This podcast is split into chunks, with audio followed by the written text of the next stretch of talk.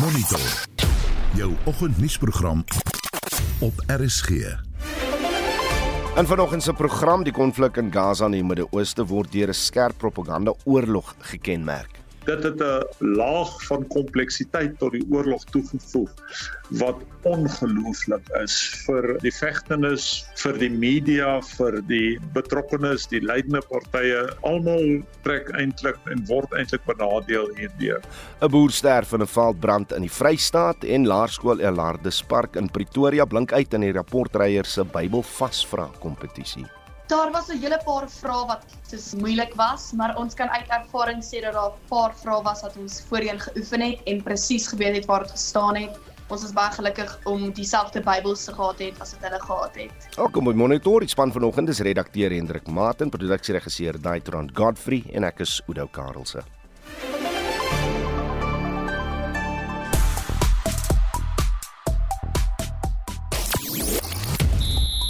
In jou sportnuus Bongio Mnambi kan Saterdag se Wêreldbeker eindstryd teen die All Blacks misloop. In sokker is Tottenham Hotspurs nou eerste op die punteleer in Engeland en in cricketnuus die groot vraag, gaan Themba Bavuma in vandag se Wêreldbeker wedstryd teen Bangladesh in aksie wees? Reg, hoe goed ken jy jou Bybel? Laerskool Elardus Park in Pretoria se leerdlinge is as die beste Bybelkenners van 2023 aangewys. Die finale ronde van die rapportryers se nasionale Bybel vasvra kompetisie het die afgelope naweek by die ATKV Oord in Klein Kariba plaasgevind. Nou 99 spanne van reg oor die land het deelgeneem en Laerskool Elardus Park het by die eerste en derde uh, prys vir die laerskool afdeling weggestap en Laerskool Randhart van Alberton het die tweede plek ingeneem. Nou om enige soort kompetisie kompetisie te wen is natuurlik 'n prestasie op sy eie en uh, ons moet Laerskool Elardespark geluk wens. Nou wonder ons of daar nog mense is wat die Bybel soos die palm van hulle hand ken. Ken jy byvoorbeeld die 12 stamme van Israel of die 10 plaae van Egipte? Ken jy daarmee die eerste 5 boeke van die Ou Testament? En, en, en van watter waarde is hierdie soort kennis? En uh, die doel agter die vraag is nie net om jou gunsteling Bybelversie met ons te deel nie, want ek kyk nou op Facebook en ek sien almal deel net hulle hulle gunsteling uh, Bybel versie. Maar maar wat verrig dit in jou lewe? Wat doen hierdie woorde wat jy nou geleer het in jou lewe? Deel daai storie ook saam met ons asseblief. Stuur 'n SMS op die nommer 45889. Dit kos jou R1.50 per SMS. Jy kan ook 'n stemnota stuur na 0765366961 en praat bietjie saam op ons Facebookblad. Jy luister na Monitor. Elke week saam tussen 6 en 7. Dis 10 minute oor 6. Nog 7 dorpe in die Oos-Kaap se name kan binnekort verander word. Hierdie dorpe val onder die uh, Dr Beyers Nodde munisipaliteit in die Karoo en die Sarah Baartman distriksmunisipaliteit. Anne Marie Jansen van Vierenburg. Die voorgestelde naamsveranderinge is die volgende: Graafry net na Robert Sebukwe of Fred Hafki, Adendorp na Kwamseki Bishop Limba, Aberdeen na Kamdebo en New Bethesda na Kwa Nogeleni.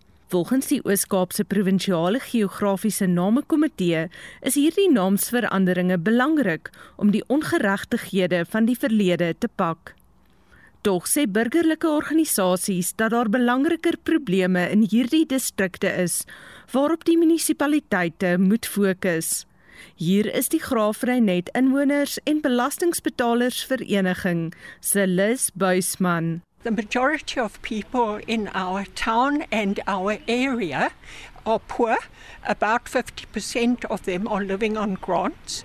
We have got serious problems with water provision, sewage leaks, refuse tip that is in a terrible mess, stray animals that cannot be controlled. So we look at those conditions, and that is what we think should be focused on. Die ANC is die regerende party in die streek van die voorgestelde naamsveranderings. Die DA se leier in die Dr Beyersnodie kiesafdeling, Samantha Graymare, sê hulle vra dat die geld wat vir naamsveranderings begroot is, eerder bestee moet word om dienslewering te verbeter. We understand that there's a need for redress. We understand that there are wounds of the past that need to be addressed. But we don't believe that changing the names of these towns is going to do that. Our feeling is rather spend the money on changing lives than spending money on changing names. Die DA het die toegang tot inligtingwetgewing gebruik in hulle aansoek om te vra dat die identiteite van die mense wat aandring op die naamsveranderings bekend gemaak moet word. Graham Mare sê hulle glo nie die huidige dorpsname gee aanstoot nie en daarom wil hulle sien wie dit as 'n politieke speelbal wil gebruik. At the end of the day, if somebody's made an application to change the names, we need to know the motivation behind that and why they're doing it in order for us to address the concerns that they might have about keeping the names. We feel that at this stage, none of the names are contentious in any way. Croft is not an offensive name, neither is Ardendorp, neither is Aberdeen, and neither is New Bethesda. In fact, Aberdeen and New Bethesda are mostly religious. They come from church towns. Ardendorp was named after the farm owner that ultimately gave the land that became Ardendorp. Die ANC sê hulle sal hulle lede toelaat om gedurende openbare verhore kommentaar te lewer. Nog voorgestelde naamsveranderinge kan binnekort ook binne die Sondagsrivier munisipaliteit en die Lambe munisipaliteit in die Oos-Kaap deurgevoer word. Die dorp Kirkwood kan na Ingeba verander word. Adu na Nkatu en Alexandria dorp na Imnyanmeni. Die verslag is saamgestel deur Nandipa Plaatjie in die Oos-Kaap en ek is Anne Marie Jansen van Vuren vir SAK nuus. 'n Boer van Muurstam in die omgewing van Deelswil in die Vrystaat is in 'n brand die naweek dood.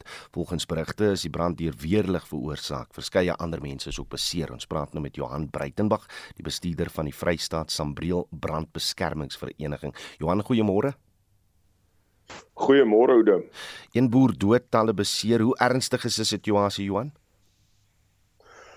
Die situasie in die in die Deelsvol area is is nie ernstig op hierdie stadium van die geveg nie. Brande is al reeds Sondag onder beheer gebring. Ehm um, die brande was ook nie of dit was nie een groot massiewe ehm um, brand wat plaasgevind nie, maar wat wel gebeur het is is dat as gevolg van ehm um, deurbewegende donderstorms is daar veelvuldige brande wat in 'n baie kort tydjie na mekaar of in die in dieselfde tydperk ontstaan het. So ons het heelwat brande gehad wat gelyktydig gebrand het en dit is wat in Deelswil gebeur het Saterdag. Hmm. Is is dit ongewoon dat weerlig uh, 'n uh, brand veroorsaak hierdie tyd van die jaar in hy streek? Nee nee, in die Vrystaat hierdie tyd van die jaar as ook in die Noord-Kaap so net voor reenseisoen begin is dit ongelukkig een van ons um uh, groot uh, uh, veroorsake van brande veral met die droë donderstorms wat dan nou deur beweeg en dan nou vir ons veelvuldige dinge aan die gang sit op op uh, op gelyke stadium. Dit hier so 3 4 weke en dan uh, dan is ons klaar met dit. Hoeveel skade is uh, aangerig? Man in terme van presies hoeveel verliese daar was in vee en en ander dinge is ons nog nie seker van nie, nog nie daai beriggewing gekry nie maar maar dit was baie ernstig in terme van uh, uh, uh, mense wat beseer is daar soos twee mense ernstig beseer en um, en dan nog 'n verdere 3 wat ligter beserings gekry het saam met saam met natuurlik die sterfgeval. So dit was dit was 'n redelike 'n swaar prys om te betaal. Johan Breitenberg, dank vir u tyd op monitor. Hy is 'n bestuurder van die Vrystaat Sambreel Brandbeskermingsvereniging. Die organisasie wat hom met regterlike aangeleenthede bemoei, Judges Matter, die uh, parlementslid en EFF leier Julius Malema se uitlatings verlede week by die Hof in Londen oor Landros Twanet Olivier veroordeel. Malema het Olivier van korrupsie beskuldig nadat sy nie die vuurwapensaak teen Malema ter syde wou stel nie. Judges Matter se navorsings en voorspraakbeampte in Kezeli Benjamin Benjamin sê Malema se kommentaar is 'n bedreiging vir geregtelike onafhanklikheid. Malema het die aanklagte teen hom as 'n politieke slenter beskryf om sy naam te beswadder. Hy het sy ondersteuners buite die hof toegespreek nadat sy poging om die saak te laat uitgooi misluk het. Malema en sy leiwag, Adrian Snyman, staan tereg op aanklagte wat verband hou met die afvuur van vuurwapens in die openbaar. Die aanklagte teen die twee spruit uit die EFF se 5de bestaanjaarvieringe by die Sisa Dukashe Stadion in Dantsane in 2018. Landros Twanet Olivier het na uitspraak gesê die feit dat daar geen ooggetuies is wat na vore gekom het om die beweerde voorval aan te meld nie, neem nie die erns van die oortreding weg nie. Malema het gesê die uitspraak is ongegrond. We come back here and to sit and listen to that incompetent magistrate who comes late to court, who can't get the papers in order, who can read their own judgment, who address the court during judgment to go back seat and receive Pravin Gordon's call and receive Ramaphosa's call and receive Batoi's call. When she comes back to give a judgment, she's shaking like hell because it's not a judgment, it's a sponsored judgment. Maar Benjamin van Judges Matter was geskok oor Malema se uitlatings. Hy sê daar's geen bewyse vir Malema se beweringe nie. Absolutely disappointed by Mr. Malema's comments because you'll remember that the court hearing had adjourned by that time and he went outside to address hundreds of his supporters, accusing the magistrate of being corrupt, of having received calls from politicians, and of not knowing her job. Well, that is completely out of line. And in fact, he should retract and apologize for those comments. Because the reason is simple. Those comments are designed to undermine the magistrate and the judiciary as an institution. He was not making them to make any sort of point to critique the judgment or the outcome. He was really trying to intimidate the magistrate. You'll remember that in, in February, he made a similar statement accusing the magistrate of wrongdoing after she had denied the recusal application.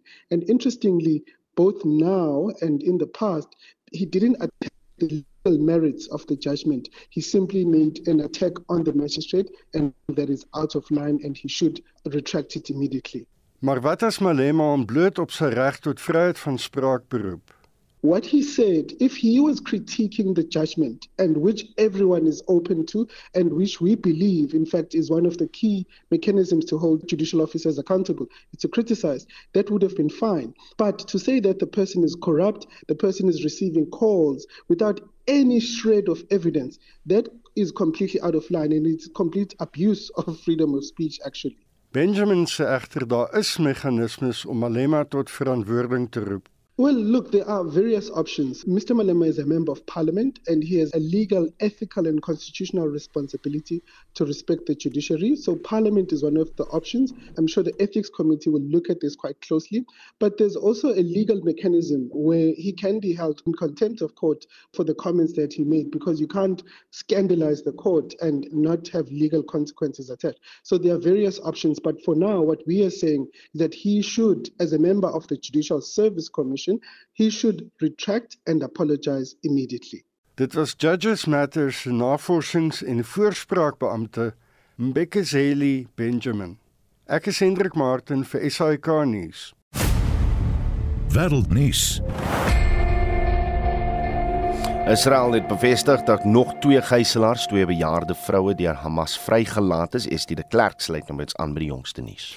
Norit Cooper en Jogofet Lifshitz is gister deur Hamas vrygelaat weens gesondheidsredes, maar hulle eggenote word steeds aangehou. Hulle sê meer as 300 lugaanvalle per dag word deur Israel op Gaza uitgevoer. Sover is 4 gijslaers reeds vrygelaat, maar Israel sê meer as 200 mense word steeds deur Hamas aangehou. Hier is 'n vrou wat byna 'n jaar lank reeds in Gaza woon en nou probeer om saam met haar twee seuns die strook te verlaat. Um, buildings very close to us on our street destroyed. We had to flee the house, flee our flat where we were living, um, and go to Can Yunis and stay with family members. There was a 43 of us staying in one flat. In die dorp Sterot in Israel het 90% van die inwoners reeds gevlug. Nou Shalom wat 'n inwoner daar is, eh, sê hy ly reeds aan posttraumatiese stressindroom sedert 2005 weens aanvalle daar en hy sê dit was onwerklik dat Hamas soldate in die strate rondhardloop. It's like a bad dream, and I want to wake up and not be here. I'm frozen. I don't want to be here. The whole building was shaking last night, and we spent all night in the safe room. Again, it's the same thing over and over again. En dit was Shalom 'n inwoner van Sterot in Israel. Amerika se president Joe Biden het weer samesprekings met Israel se eerste minister Benjamin Netanyahu gehad. En Biden het weer sy volgehoue ondersteuning aan Israel betuig en die belangrikheid benadruk dat humanitêre hulp aan inwoners in Gaza verskaf moet word. Die BBC se Barbara Plet Asher lig die impak van die konflik op die VSA uit en watter gevaar dit vir Amerikaanse soldate elders inhou. The U.S. is advising Israel on its military operations and also on its concerns. Uh, and one of those is the hostages. That if tanks start rolling into Gaza, then that window of opportunity to get more of them released would almost certainly close. Another big concern is attacks on U.S. interests in the region. U.S. troops in Iraq have come under attack from militants, militant groups which are backed by Iran. There are about 2,500 U.S. troops in Iraq and about 900 in Syria, where there are also Shia militant groups which are backed by Iran. En dit was die BBC se Barbara Plet Asher. Nou 'n militêre ontleder in die FSA, Sean McFight, gee sy mening oor die bedreiging wat die konflik vir die FSA inhou. Well, it seems that Iran, which backs Hamas and backs Hezbollah, another terrorist group, has been waging sort of a slow and sneaky war against Israeli and U.S. interests in the Middle East. And what they're trying to do is they're trying to provoke, I believe, the U.S. into overreacting to create a David versus Goliath situation that they can live off of through propaganda. So by attacking American troops through their proxies in Iraq and perhaps other places, they are trying to tempt widening the war in the Middle East for their own gain.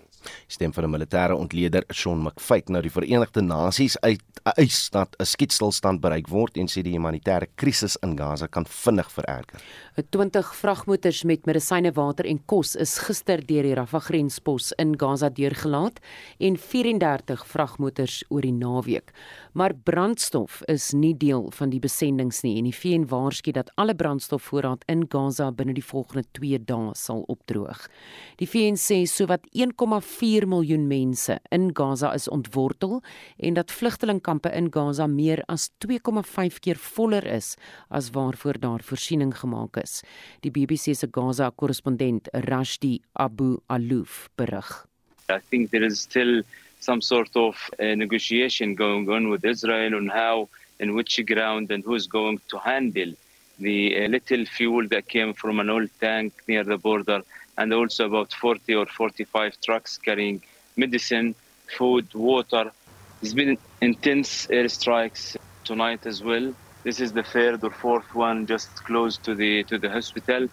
So another night of heavy bombing in southern Gaza, Khan Yunis. This is the area where Israel asked 1.2 million people to come in. They said it's uh, safer for you to be uh, south. But as you can see, every night there is airstrikes here in this area. En dit was die BBC se Rashdi Abu Alouf in Gaza en ons hou verwikkelinge in die storie dop. En dit was 'n uh, estimate oorsig oor die konflik in Israel en Gaza. Laerskool Elardus Park in Pretoria se leerdlinge is as die beste Bybelkenners van 2023 aangewys. Oor die naweek van 20 Oktober het die finale ronde van die rapportryers se nasionale Bybel vasvra kompetisie by die ATKV ATKV Oort in Klein Karima plaasgevind. 99 spanne van regoor die land het deelgeneem. Laerskool Elardus Park het met die eerste en derde prys vir die laerskool afdeling weggestap en Laerskool Randhart van Alberton het die tweede plek ingeneem. Twee leerders van Laerskool Ilardespark, Mina Erasmus en Alexis Oberholzer, sê die kompetisie was baie uitdagend. Daar was 'n hele paar vrae wat dis moeilik was, maar ons kan uit ervaring sê dat daar 'n paar vrae was wat ons voorheen geoefen het en presies geweet het waar dit gestaan het. Ons is baie gelukkig om dieselfde Bybels te gehad het as wat hulle gehad het. Verduidelik net vinnig vir my hoe berei jy vir so iets voor? Oom, ons het ons stukke oor en oor en oor deurgelees en ons het baie oulike juffrouens wat ons baie mooi gehelp het en ons geleer het en ons gewys het en vir ons baie tips gegee het hoe om soos pasmaats te doen en snel soek het ons 'n paar tips ook gekry. En ek voel ons is baie bevoorreg om daai soort oefenvraestelle te hê want jy kan net soveel keer jou stukke deurlees. As jy nie weet wat hulle gaan vra nie, gaan jy nie so goed kan doen nie. So dit klink vir my soos 'n eksamen met ander woorde. Dit is nogals se eksamen. Dit was nogals baie stukke om te leer aan die begin, maar ons het baie goed deur dit gekom. Is eintlik nou 'n moeilike vraag vir julle en dit is hoekom dink julle is hierdie soort kennis belangrik? Bybelkennis. Soos die oom gesê het gister net voordat ons weggery het, het hy gesê dat lees help 'n mens verskriklik baie tussen werk en onthou en as ek voel dit het ons verskriklik gehelp om goed te leer lees en goed te ook goed te onthou. En dan nou net 'n vraag vir elkeen van julle. Watter loopbane wil julle eendag volg? Ek sal graag in die mediese rigting wil gaan, maar my vriende sê ek sal ook 'n baie goeie onderwyser word en ek voel dis 'n goeie werk. Dis net baie ure. En ek ek wil ook so 'n veearts wil word as ek soos ouer is en ook soos Alexis gesê het medies. Een van die onderwysers wat by Laerskool Hilardespark se deelname aan die kompetisie betrokke was, Erika Moller, sê die kinders het baie opgeoffer om vir die kompetisie voor te berei. Ek wil net noem dat ons moes 20 hoofstukke in die Bybel leer. En altesaam was daar oor die 800 verse wat die kinders dan nou moes ken. En hulle neem deel in spanne van 4. Ons het verskriklik hard geoefen. Ons oefen in die aande want al hierdie kinders is die skrander baie besige kinders wat ook ander buitemuurse aktiwiteite doen. En so ons oefen in die aand van 6 tot 8. En dis 'n groot opoffering vir hulle ouers, dis 'n groot opoffering vir hulle. Hulle is maar 11, 12 en 13 jaar oud.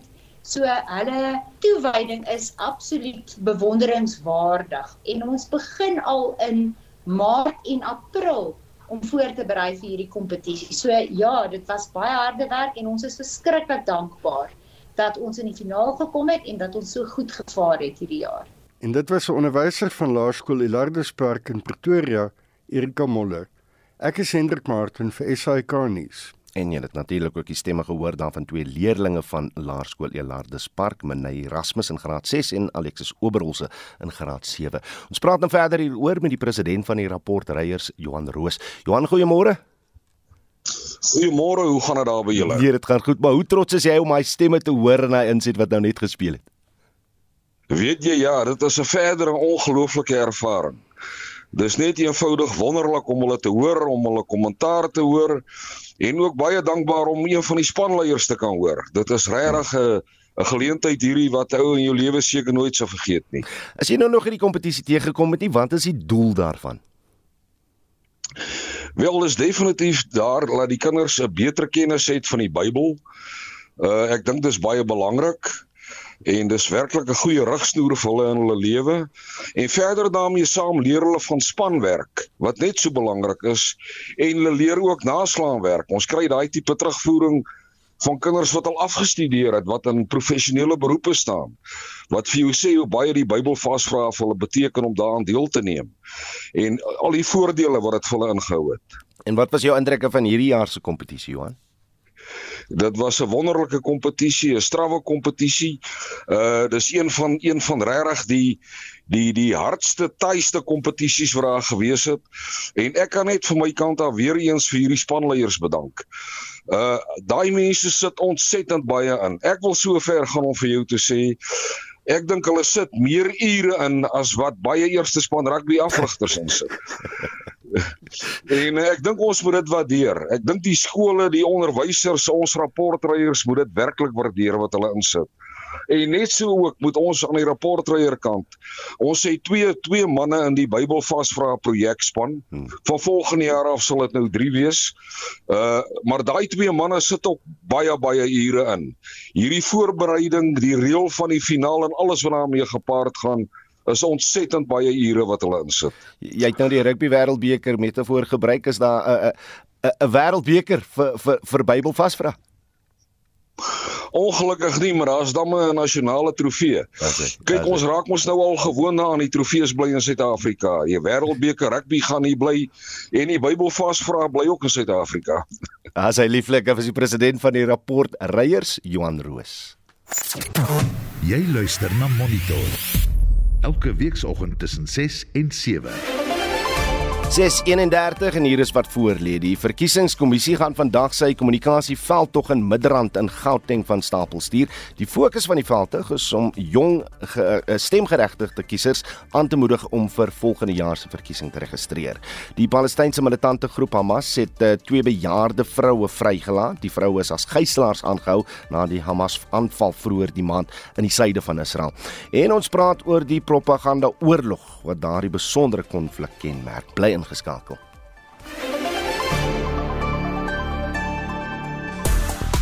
Nou, ons vraag aan jou vanoggend is ken jy jou Bybel? Hoe go uh, goed ken jy jou Bybel? Uh, dis nou nadat uh, Laerskool Elarde Spark in Pretoria se leerdlinge as die beste Bybelkenners van 2023 aangewys is. Jy het nou gehoor daarvan Johan Roos. Nou, Jonathan April van Gouda sê môre Oudo, ek ken nie my Bybel goed nie, maar ek doen my plig en lees hom so nou en dan as dit by God se woord kom, moet daar nie gelieg word oor hoe goed jy hom ken nie.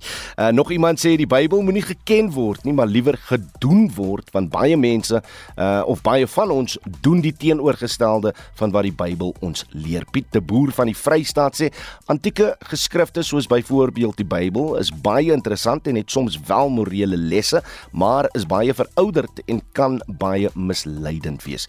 En dan sluit ek af met Alet van Pretoria se boodskap wat sê ek ken nie my Bybel soos die palm van my hand nie en uh, kan nie regtig 'n klomp versies opsê nie. Ek weet net God voorsien elke dag vir dit wat ek nodig het. Nog van julle boodskappe asseblief uh, stuur vir ons uh, op die uh, SMS lyn 45889. Dit kos jou R1.50 per SMS. Jy kan ook 'n stemnota stuur na 0765366961 of praat saam op ons Facebookblad. Reg Jody uh, Hendriks sluit nou by ons aan vir die jongste sportnuus. Môre Jody. Goeiemôre Oudo. Luister, kom ons begin met die Cricket Wêreldbeker. Afghanistan het 'n paar rekords gister laat val en vandag is dit weer die kans van uh Themba Bavuma in die Proteas of ons hoop so. Ja, gister Afghanistan 'n groot afgestof toe hulle rekord eerste sege teen Pakistan in Chennai behaal het. Dit was ook Pakistan se derde agtereenvolgende nederlaag by die toernooi. En dan natuurlik die groot vraag is gaan Themba Bavuma vandag teen Bangladesh in die begin 11tal wees, sowel uh, die instaan kaptein Aiden Makram sê hulle gaan eers die finale besluit by die lood maak, maar uh, daar's vir beslis verbetering in uh, in Bavuma se toestand by die wêreldbeker. Reg, kom ons praat nou van die uh, rugby wêreldbeker en al wat ek kan sê is Tom kom van wyd, hy's omkant. Ja, aan die witkant van die spel. Oudel.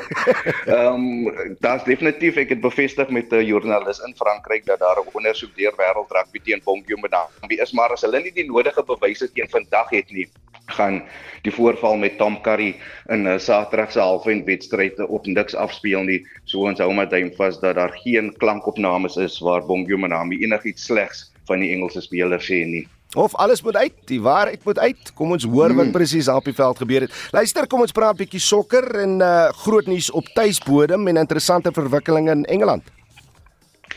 Ja, Kaiser Chiefs het wil afrigter Molefe en seker die trekpas gegee dit na slegs 9 wedstryde met Kevin Johnson wat nou as waarnemende hoofafrigter sal diens doen. In Engeland Tottenham Hotspur het 'n doel in elke halfte aangeteken om 2-0 met Fulham af te reken. En na die sege staan Tottenham nou eerste op die punteleer met 23 punte na 9 wedstryde. Plaaslik vanaand gaan AmaZulu in 'n tuiswedstryd teen Orlando Pirates te staan kom. Reg motorsport en 'n groot terugslag vir eh, Lewis Hamilton na die week uh, die naweek se Grand Prix in uh, Austin Texas Ja, dit gaan ons nog in die motorsport wêreld na die gebeure Sondag se in Sondag se Grand Prix Hamilton van Mercedes en Charles Leclerc van Ferrari. Hulle is gediskwalifiseer na Sondag se Grand Prix omdat hul motors die na-wedren inspeksie nie deurgekom het nie. Hamilton het tweede Sondag geëindig maar verloor nou sy plek op die podium. En dit is uh, dan uh, Charles Leclerc wat vir hom vervang en 'n uh, Ferrari se Carlos Sainz wat vierde geëindig het wat nou die derde plek sal kry. En dit was Jody Hendricks van RSG Sport. Jy luister na Monitor. Elke weekoggend tussen 6 en 7. Nie alle Suid-Afrikaanse Jode stem saam oor wat op die oomblik in Israel en Gaza gebeur nie. Rina King van die organisasie South Africa Jews for a Free Palestine sê die konflik tussen Hamas en uh, die Israeliese weermag is nie 'n oorlog nie, maar 'n menseslagting. We recognize the oppression and occupation of Palestinians since 1948, where 750,000 Palestinians were forced off their land into the status of internally displaced people or refugees from where they were. And we see that Palestinians are living under occupation and also they are very much oppressed by the Israeli regime in that 500 children a year are tried in military courts. Hiervan word 99% skuldig bevind. King sê daar word sedert 2012 maandeliks 200 kinders opgesluit terwyl 'n derde van die mans in die besette gebiede in die tronk beland. Like the same in South Africa, a third of South African black men had been to jail by the end of apartheid. And it's just not a just system. And we see that there is no safety and there's no peace without justice. Maar hoekom sien sy die konflik as 'n menseslagting? It's, it's actually a, a kind of bombardment or a massacre rather than a conflict. A conflict is usually seen between equals, and this is between an occupier and those people that are occupied, people that are imprisoned in an area in Gaza. The international media, it's different in different places. Al Jazeera, for example, actually shows what's happening in Gaza. Sky News, for example, is giving us news, and it stopped at the 7th of October. And it started at the 7th of October. Sy sê, dis 'n stryd wat reeds vir 75 jaar aan die gang is. In fact, for more than 75 years, but 75 years of quite intense dispossession and ethnic cleansing of, of people. You know, people were chased off their land, the same as the Afrikaner in the Boer War was chased off their land because the British didn't want them there. Die voorsitter van die Suid-Afrikaanse Zionistiese Federasie, Rowan Polven, sê die internasionale media beeld Israel uit as die boelie. Unfortunately, there has been significant bias against Israel in this coverage, both in South Africa and internationally.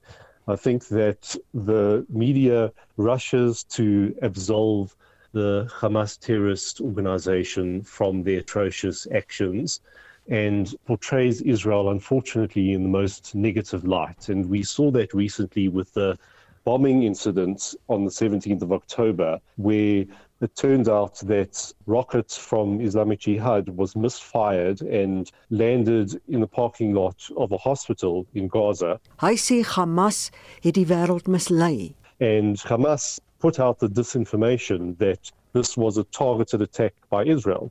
And numerous international sources and analyses showed that, in fact, this was a misfire.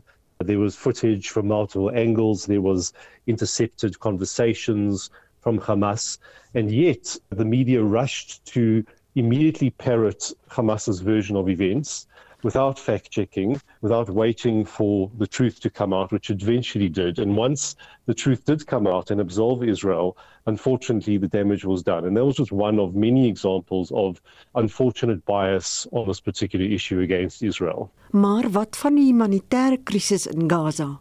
No, at the moment, there is no humanitarian crisis. There's no shortage of water. There is enough food for the coming weeks. And there's enough medicine for the coming weeks there's no shortage in hospitals. All the food, water, and medical aid will enter Gaza in the southern part via the Rafah crossing via Egypt. And there is adequate stores at play. People must remember that Israel, during times of peace, supplies Gaza with 50% of its electricity for free. Polyphon beskuldig Hamas van oneerlikheid. And unfortunately, Hamas has misused foreign aid in order to launch terror attacks against Israel instead of building and improving the infrastructure in Gaza. And the same with water. Israel supplies only 10% of Gaza's water consumption, and the rest is coming through local reservoirs. But again, Hamas unfortunately uses its own infrastructure, for example, turning pipes into rockets. And again, Hamas does not use foreign aid to solve the, its own problems in Gaza. So Unfortunately, there's no solution in the short term, but there's also no humanitarian crisis at the moment. Hoewel die twee Joodse persone fundamenteel verskil oor die oorlog tussen Israel en Gaza, soek al twee vrede. Pollewin lê die skuld voor Hamas se deur. Well, Hamas is an internationally designated terrorist organization whose very charter calls to wipe Israel, the world's only Jewish state, off the map. Israel is a sovereign democratic state that wants to live in peace with her neighbors. She has the ability to make peace and has made peace over decades. She made peace with Egypt in 78, with Jordan in 1994. In the last four years, we've seen through the Abraham Accords in remarkable peace initiatives between Israel and the United Arab Emirates, between Bahrain and Israel, Morocco and Sudan. So there are many countries in the Arab world that are now making peace with Israel. Rina King van die organisasie South African Jews for a Free Palestine se visie vir vrede klink anders. Sure. Ultimately, there has to be a recognition that the Palestinians have been ethnically cleansed from their land, and there needs to be a recognition that Palestinians are equal human beings with equal human rights and can live equally within the land that there is, and that people and Zionists need to recognize that they have to share the land. Rina King van die organisasie South African Jews for a Free Palestine. Mitsi van der Merwe, SAK nuus. Ag kom ons bly by die storie en praat nou met die skrywer en sigter van die Vrye Weekblad Max Dupré. Max, goeiemôre. Goeiemôre, Oudo. Da, daar is genoeg water, kos en elektrisiteit sê een van die stemme in die insetsel waar waar ons nou net geluister het. Die res van die wêreld berig almal oor die humanitêre krisis wat nou deur 'n handjievol vragmotors met voorraad verlig moet word. Ja, net jou reaksie op waarna jy nou geluister het. Ja, ek moet sê dit was vir my skokkend dat die man uh die waarheid so kon verdraai. Ehm um, en ons hoef nie na Hamas te luister om vir die nuus hieroor nie. Ons moet die Verenigde Nasies vra. Ons moet dokters sonder grense vra. Ons moet die Rooi Kruis vra. Gisternag is die situasie in Gaza as apokalipties beskryf, katastrofies beskryf. Ehm um, en ek dink dis dis erg ongevoelig vir hom om te kom en sê daar is geen waterprobleem nie, daar is geen medisyne probleem nie. Ehm um, die die situasie in Gaza is regtig waar absoluut skreiend en en ek neem aan hy is 'n baie sterk ondersteuner van die staat Israel. En ek sou vir hom wou sê meneer wat Israel op die oomblik in Gaza doen is nie in Israel se belang nie. Dit maak nie Israel veiliger nie. Inteendeel, uh hier is besig om verskriklike onreg gepleeg te word. En dan ja, jy weet, hoe dan nou sit ons soos vroeër in die bydrae ook daar is verskillende stemme. Die wêreld is half verdeel. In Suid-Afrika is verdeel. Ehm um, ons sit met 'n met 'n groot Joodse gemeenskap Ek dink wit Afrikaans sprekendes is nogal geweldig pro-Israel. Ehm um, uit respek vir mense wat uh uit die woestyn uit 'n uh, 'n uh, 'n um, goeie staat gebou het, maar ook soort van jy weet dit is die verko uitverkore volk en so aan en dan die meerderheid mense in Suid-Afrika wat uh assosieer met die Palestynse onderdrukking Ehm um, en dan is hier ook 'n uh, klomp moslems in Suid-Afrika. So ons is ook verdeel daaroor en ek dink ons moet versigtig trap en ek dink ehm um, RSG trap nogal versigtig hieroor en dit is reg. Da, Al die kante moet berig word. Daar's daar's da sekere dinge wat, wat ek dink ons as die media nog moet leer want ons het lanklaas te doen gehad op op 'n globale vlak met met met met hierdie konflik ja. in ons beriggewing. En en dis vir my interessant Max verlede week nog as as jy byvoorbeeld Al Jazeera kyk, sou jy sien die konflik word bestempel as die Israel-Hamas oorlog. Ek sien van gister af op televisiegrafieke nou op hy kanaal en 'n paar ander praat van die Gaza konflik of konflik in Gaza. W wat is ons verantwoordelikheid ja. as die media om dit reg te kry? Ja, eh, eh, omdat hierdie een van die grootste gebeurtenisse is ehm um, van die laaste paar dekades is dit van kritieke belang uh dat ons as die hoofstroom media hierdie ding regkry en en ons publiek behoorlik hierin inlig dat mense op goeie betroubare getuienis hulle besluite kan neem, hulle menings kan vorm. Ehm um, ek dink uh, jy het nou genoem en en dis tevore ook genoem die die uh die mees skreiende wat ons die verskillende aan uh, uh maniere kyk ek vind wat om na te kyk mm. is is die televisiestasies. Al Jazeera ehm um, moet mense kyk as jy wil die volle prentjie hê van wat in in Gaza en en in in die, in die Wesoewer aangaan. Mm. Ehm um, maar Al Jazeera is gebaseer in Qatar. En Qatar is histories baie pro Hamas. So nou moet jy dit in jou agterkop onthou. Dan gaan jy na CNN en Sky en BBC toe wat ons in Suid-Afrika toegang tot het. Ek ek het gisternag weer gesit en kyk. Ehm um, hulle probeer so hard lyk dit vir my om om gebalanseerd te wees. Hmm. Maar as jy kyk na na hierdie stasies dan het hulle die een Israel nie na die ander die hele storie van o my my my oom is doodgeskiet hmm. en hy vertel die hele storie en wys al die visuals en ons kry die geskiedenis van elke Israeli wat dood is en daar's nooit so iets oor oor die Palestynë nie. Daar's al 5000 mense in die laaste 2 weke dood in hmm. Palestina en ons kry nie name nie. Dis net getalle. Hmm. Ek hoe laat ek jou dat ek jou 'n idee gee van die skaal. Daar's 9.5 miljoen mense in Israel. Daar's 2,2 miljoen mense in Gaza.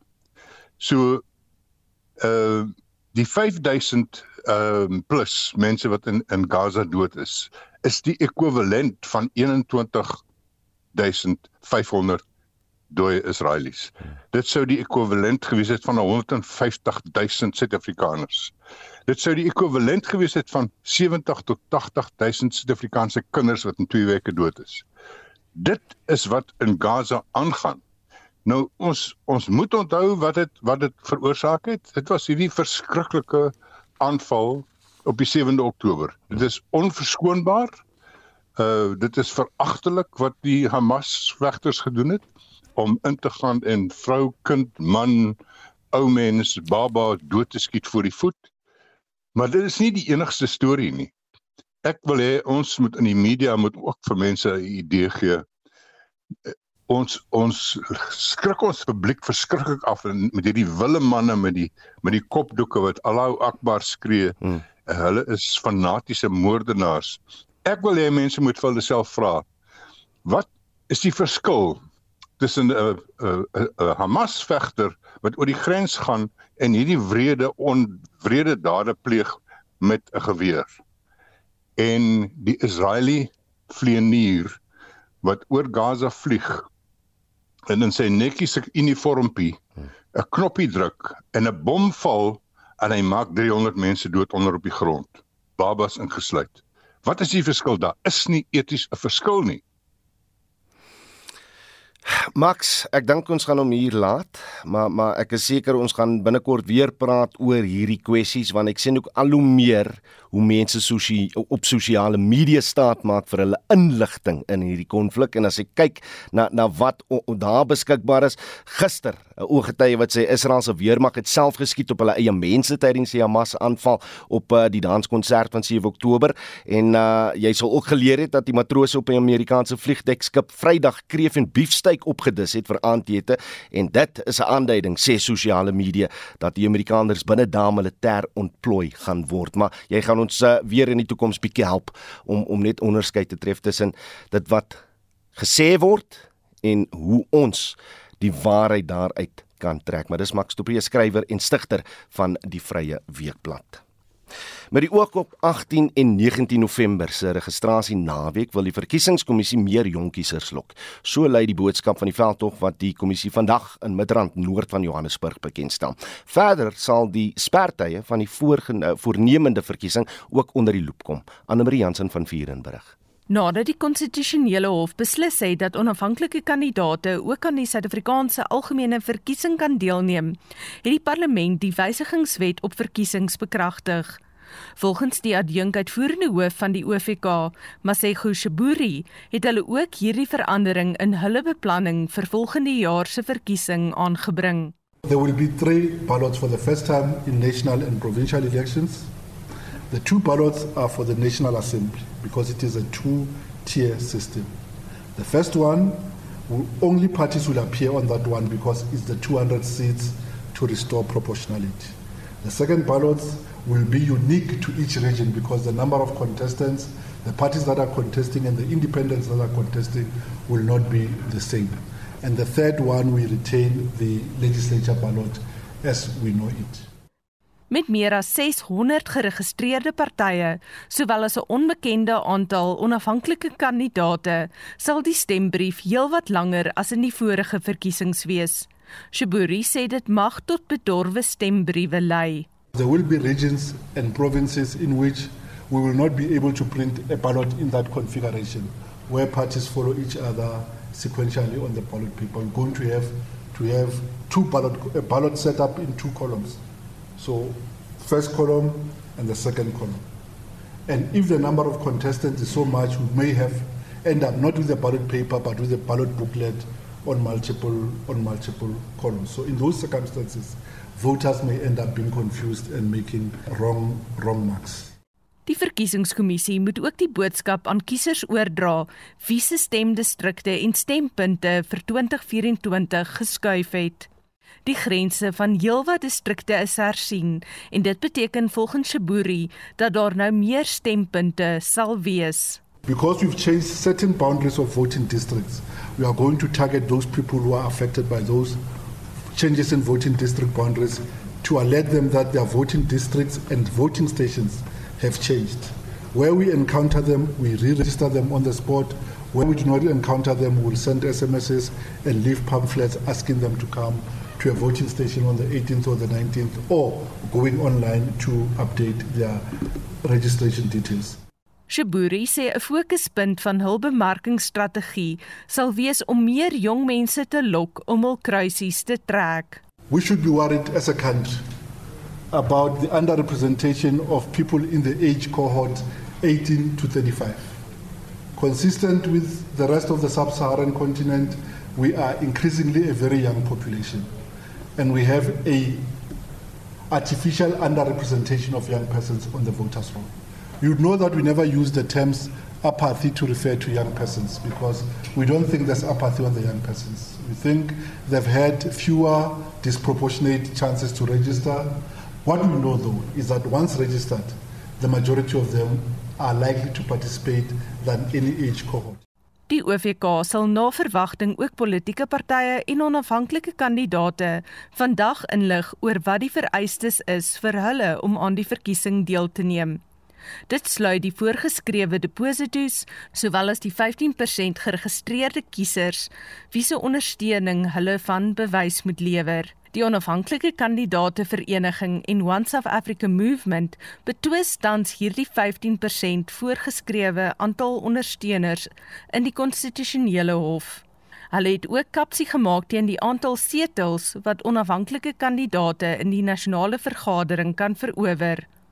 Ten spyte van hierdie hofgeding, glo Shiburi dat die verkiesingskommissie alle faktore in ag sal kan neem om die verkiesing in die voorgestelde tydperk te hou.